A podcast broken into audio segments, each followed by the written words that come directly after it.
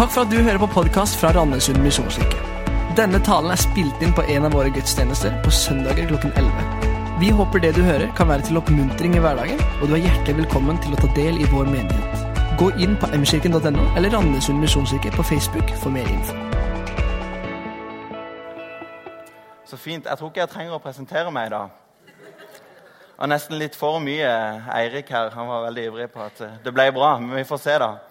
Um, men jeg har i hvert fall lyst til å bruke denne anledninga til å takke. Takke dere alle for at jeg får lov til å gå inn som ungdomspastor her.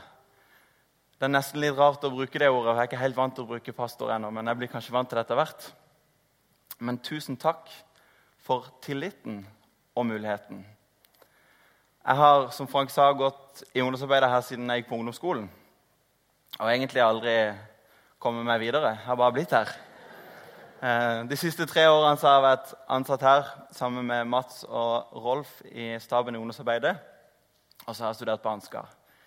Og Denne menigheten har betydd veldig mye for meg og for min tro.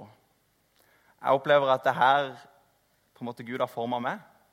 Og Derfor er jeg veldig takknemlig for at akkurat her kan jeg få lov til å starte min tjeneste. Jeg har lyst til å takke menigheten og lederskapet og staben for muligheten og tilliten. Og takk for at det er så mange som heier på oss i ungdomsarbeidet. Det er fantastisk å være her og tjene. Og meg og Mats, Mats sitter og nikker med en gang jeg sier det, for det er så mange som kommer og heier på oss. Og Det er fantastisk å være her og tjene her. Jeg er så takknemlig for den muligheten. Så tusen takk skal dere ha. En grunn til til at det er veldig godt å begynne nettopp her. Det er fordi det er et ungdomsarbeid som jeg har veldig tro på.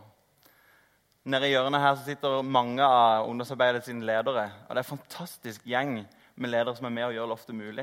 Det er absolutt bare ikke meg og Mats og Rolf, men det er en fantastisk gjeng som er med og står bak Loftet. Jeg har kjempetro på Loftet på sitt potensial. Vi er betrodd så ufattelig mange ungdommer at det er nesten ikke til å begripe alltid. Så jeg håper at dere er med oss og ber for disse ungdommene som menighet. For det er utrolig mange som lengter etter å møte Jesus, som lengter etter å bli sett eller ha en plass å høre til. Vi har eh, ca. hver fredag her så I fjor hadde vi 140 stykker i gjennomsnitt her hver fredag. På, eh, for høsten nå har vi 47 konfirmanter som allerede er meldt på. Jeg tipper at det blir litt flere òg. Vi har 30 ungdommer fra 8. klasse som skal begynne på loftet, som har fått en smågruppe. og som skal begynne i det, ha sin plass å gå til. Og vi er over 40 stykk som var konfirmanter i fjor, som har sagt ja til å fortsette å være med i det som heter JIM. Det som er fortsettelsesåret vårt for konfirmantarbeidet. Det er utrolig mange ungdommer. Og vi ønsker å gi dem noe. Vi ønsker ikke bare at de skal være her, men vi ønsker å fortelle dem hvem Jesus er. Her kan bli en plass de kan bli kjent med han og få lov til å vokse i troa på han. Loftet handler om å gjøre unge mennesker til bevisste etterfølgere av Jesus. Det er det vi sier vi ønsker å holde på med. Og vi ser det på loftet. På fredager og i konfirmantarbeid så har vi mange som får lov til å ta imot Jesus for første gang. Og så har vi òg mange som har vært her en stund, og som får lov til å kjenne at de vokser i sin tro. At loftet kan på en eller annen måte bli et drivhus for deres vekst og deres tro. Det er det vi ønsker, og det er det vi jobber mot. Så jeg håper dere kan være med på det. Og jeg takker dere for all den støtten som vi opplever. Det er en utrolig fin plass å være. Noen ganger så um, møter man ting i livet som gjør at det forandrer noe igjen. Det kan være en opplevelse eller noen personer du møter. Og Jeg var på hyttetur på min hytte, eller familien sin hytte oppe på Evje. Opp, på vei opp til Evje. Og Så leste jeg hytteboka der at jeg hadde hatt en sånn opplevelse som liten hvor noe forandra seg. Jeg hadde fått helt ny frimodighet i mitt lille barndomsliv fordi at jeg hadde møtt kaptein Sabeltann. Eh, og jeg leste da at I hytteboka så sto det at jeg skulle legge meg en kveld. Og så skulle pappa legge meg. Og på den hytta så er det ikke innlagt strøm, så det er ganske mørkt. Litt mørkere enn hva jeg er vant til. Og så hadde jeg spurt pappa da han skulle legge meg, at pappa, passer Jesus på meg nå? Og Så forteller hytteboka videre at pappa hadde sagt ja. Kanskje han var litt redd for at jeg var litt sånn ekstra redd siden det var litt mørkere enn vanlig. Men jeg svarer, han, han sier ja, Jesus passer på deg, han er her, og det går bra. Og vi er bare på andre sida av døra. Og så Så svarte jeg men du kan si til han trenger ikke å passe på meg, for at jeg har sabeltannsverdet mitt. Så det går bra. Og Det hadde ikke jeg hørt, men det sto i hytteboka, så jeg tror det stemmer. Men det er noen ganger i livet hvor vi ikke nødvendigvis møter sabeltann, men vi møter noen personer som gjør noe med oss. Jeg er sikker på mange av dere kan kjenne igjen i det at et møte med Gud eller et møte med mennesker kan plutselig forandre noe i oss. Jeg har valgt å kalle dagens tale for et livsforvandlende møte. Vi skal lese fra Jesaja 6. Så Hvis dere har Bibelen, så kan dere få lov til å være med og slå opp der. Et livsforvandlende møte. Vi leser fra Jesaja 6, vers 1. I det året da kong Ussia døde, så jeg Herren sitte på en høy og opphøyd trone, og kanten på kappen hans fylte tempelet. Serafer sto overfor ham, og hver av dem hadde seks vinger. Med to dekket i ansiktet, med to dekket i føttene, og med to fløy de. De ropte til hverandre, 'Hellig, hellig, hellig er Herren Seabot.' Hele jorden er full av Hans herlighet. Røsten som ropte, fikk boltene i dørterskelen til å riste, og huset ble fylt av røyk. Da sa jeg, 'Ved meg, det er ute med meg.' For jeg er en mann av urene lepper, og jeg bor i et folk med urene lepper, og mine øyne har sett kongen, Herren over herskarene. Da fløy en av serafene bort til meg. I hånden hadde han en glo han hadde tatt med en tang fra alteret. Med den rørte han ved munnen min og sa, Se, denne har rørt ved dine lepper. Din skyld er tatt bort, din synd er sonet. Da hørte jeg Herrens røst. Han sa, Hvem skal jeg sende, og hvem vil gå for oss? Og jeg sa, Jeg. Send meg.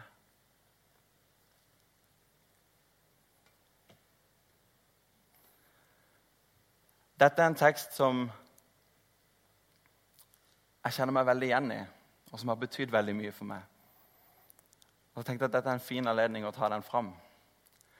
Og Det er mange ting som jeg lar meg fascinere av ved denne teksten.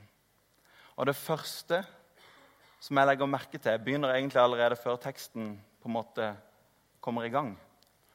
Og Det handler om at det er en god vane Får jeg den til å virke òg? Å, fantastisk.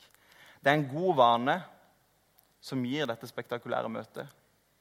Og Det er en ting man sikkert ikke legger merke til engang når man leser teksten, men det er en god vane som gir det spektakulære møtet. Fordi Jesaja er i tempelet her. Han har et syn, men han er i det fysiske tempelet i Jerusalem. Og så blandes liksom det himmelske tempelet og det jordiske tempelet sammen. Poenget er at dette er ikke første gang Jesaja har vært i tempelet. Er du med på den? Som jøde i Judea og Jerusalem så var ikke dette den ene gangen i livet han besøkte tempelet. Han har vært i tempelet ofte.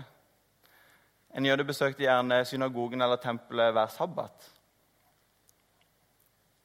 Og dette møtet som Jesaja har, kommer ikke for hans ene pilegrimsferd det året. Eller den ene spesielle begivenheten, det ene kule møtet han gikk på. Men dette spektakulære møtet kommer av en vane som han hadde av å gå til tempelet. Og helt sånn innledningsvis, I begynnelsen på et nytt år med nye gudstjenester så har jeg lyst til å si at din vane av å gå til gudstjeneste er det som ofte gir et spektakulært møte. Jeg tviler på at Jesaja hadde det sånn hver søndag. Men midt i hans faste vane, hans rytme av å gå til tempelet, så møter Gud han. Så bryter Gud inn. Og Jeg tror at det er sånn en gudstjeneste fungerer på oss. En vane vi har. Og vaner gjør ofte mer med oss enn det vi tror. Vi vet at hvis vi trener, så får vi en sunnere kropp. Hvis vi spiser riktig, så får vi en sunn kropp.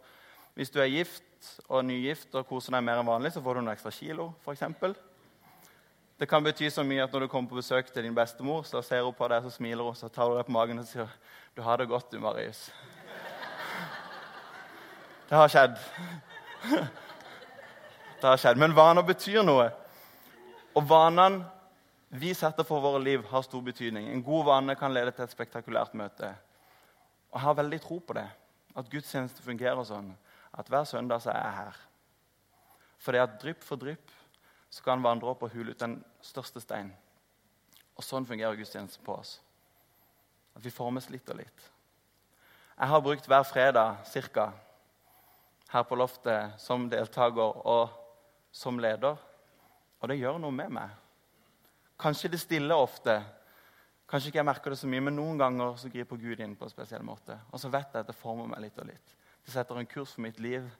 Det er en vane som drar i en retning. Eller det jabner så dræger, som Roy Elling pleier å si. Jeg vet ikke om Det, det er et av favorittsitatene hans. Han pleier å si det ofte. ikke i dag, men Din vane av å gå en plass drar i en retning. Så slutten på sommeren kan ofte være starten på en ny vane. Jeg har lyst til å utfordre deg til det. Gjør dette en prioritet på gudstjeneste her, for det gjør noe med oss. Det andre som jeg legger merke til, er at vanen leder til spektakulært møte. Men det er når Jesaja møter Gud, at han møter seg sjøl. Jesaja har et enormt syn, et brutalt møte med Gud. Gud har gigantiske proporsjoner, og så beskriver han hvor stor Gud er. Kanten av kappen fylte hele tempelet. Enormt. Og så er det noen ganger sånn at hvis, vet ikke med dere, hvis jeg et, ser et, en stor naturopplevelse, på en måte, så blir jeg så satt ut av hvor vakkert det kan være noen ganger, at jeg ikke helt vet hva jeg skal si. Etter videregående så var jeg et halvt år på Hawaii, på det som heter DTS, eller disippeltreningsskole med ungdom i oppdrag. Og solnedganger på Hawaii er akkurat sånn at du bare står og bare ser hvor vakkert det er. Du skjønner ikke hva du skal si. Ordene strekker ikke til. Skaperverket kan noen ganger være så vakkert at vi ikke vet hva vi skal si. Men her møter Isaiah skaperen sjøl, og så er han helt målløs. Altså, Istedenfor å se, beskrive Gud, så leste vi jo at han beskriver kappa til Gud. Eller han ser på englene i stedet for. For synet av Gud blir altfor stort. Han vet ikke hva han skal gjøre, han vet ikke hvor han skal se.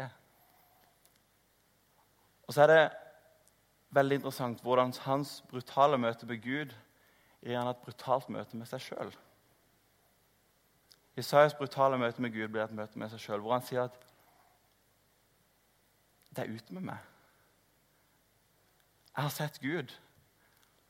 Og så skjer det noe i han når han får lov til å se hvem Gud er. Jesaja har brukt de fem første kapitlene på å klage på alle andre.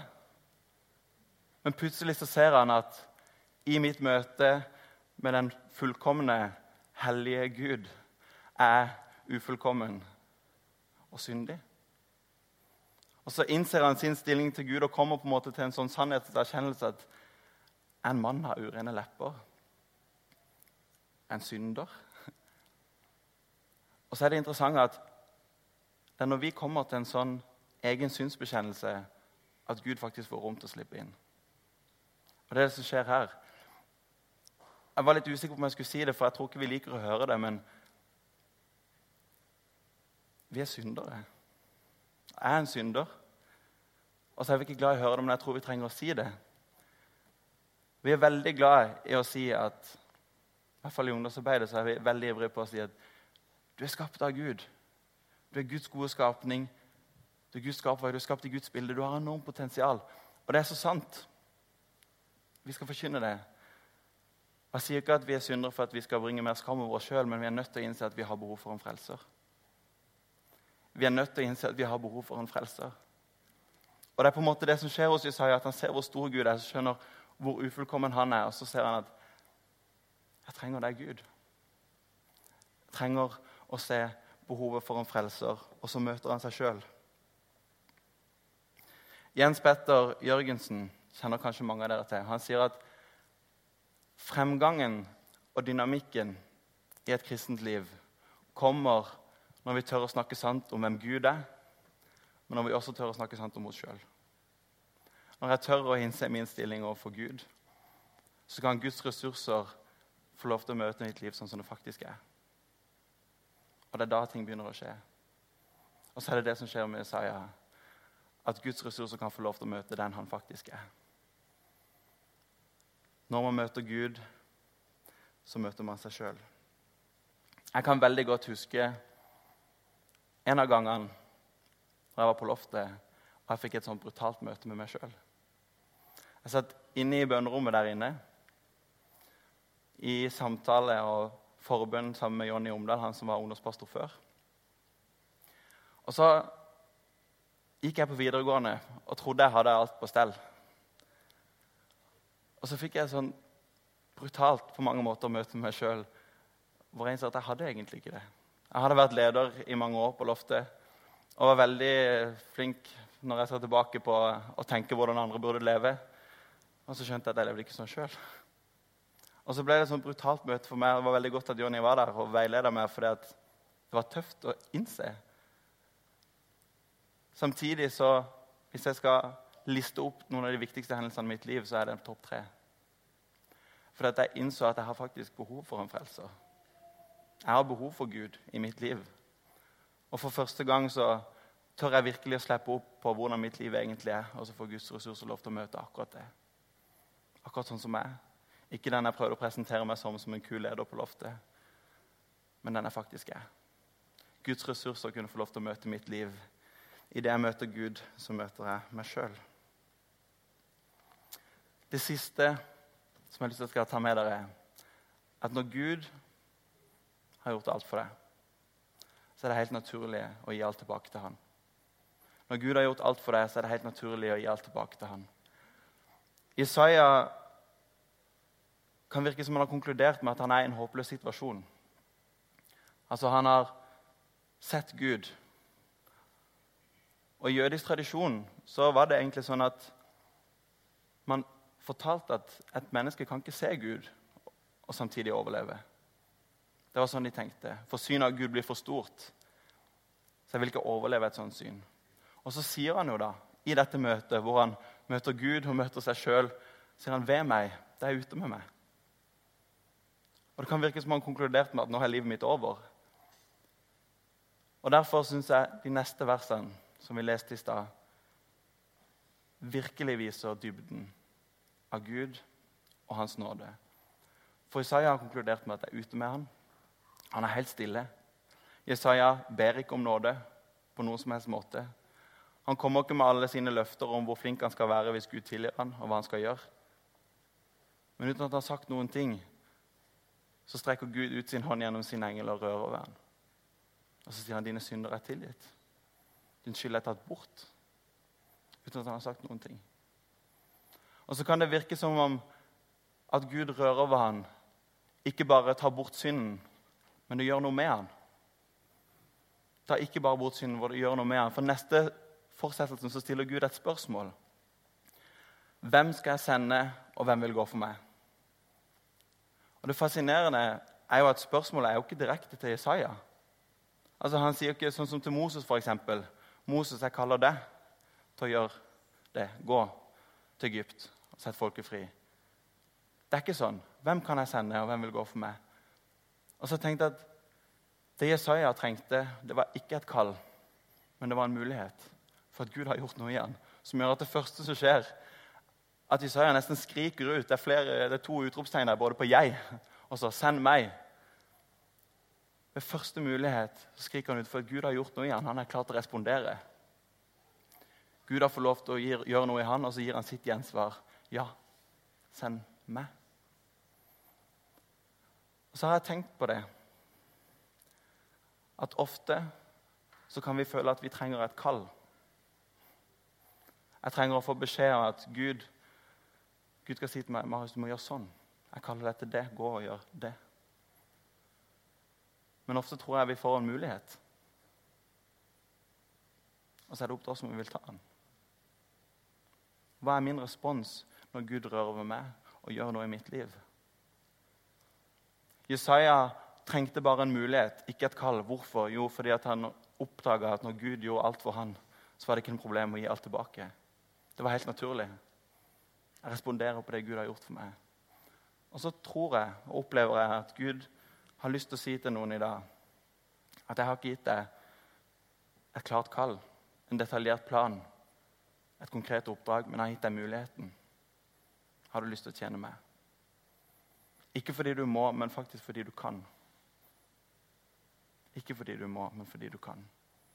Vil du tjene meg? Jeg skal gå mot avslutning, men jeg vet ikke hvor alle dere er, og hva dere kjenner på når vi leser denne teksten. Men så vet jeg at Gud er her.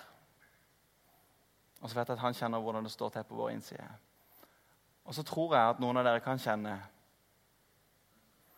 at kanskje jeg skulle gjort noe med den vanen der av å gå på gudstjeneste.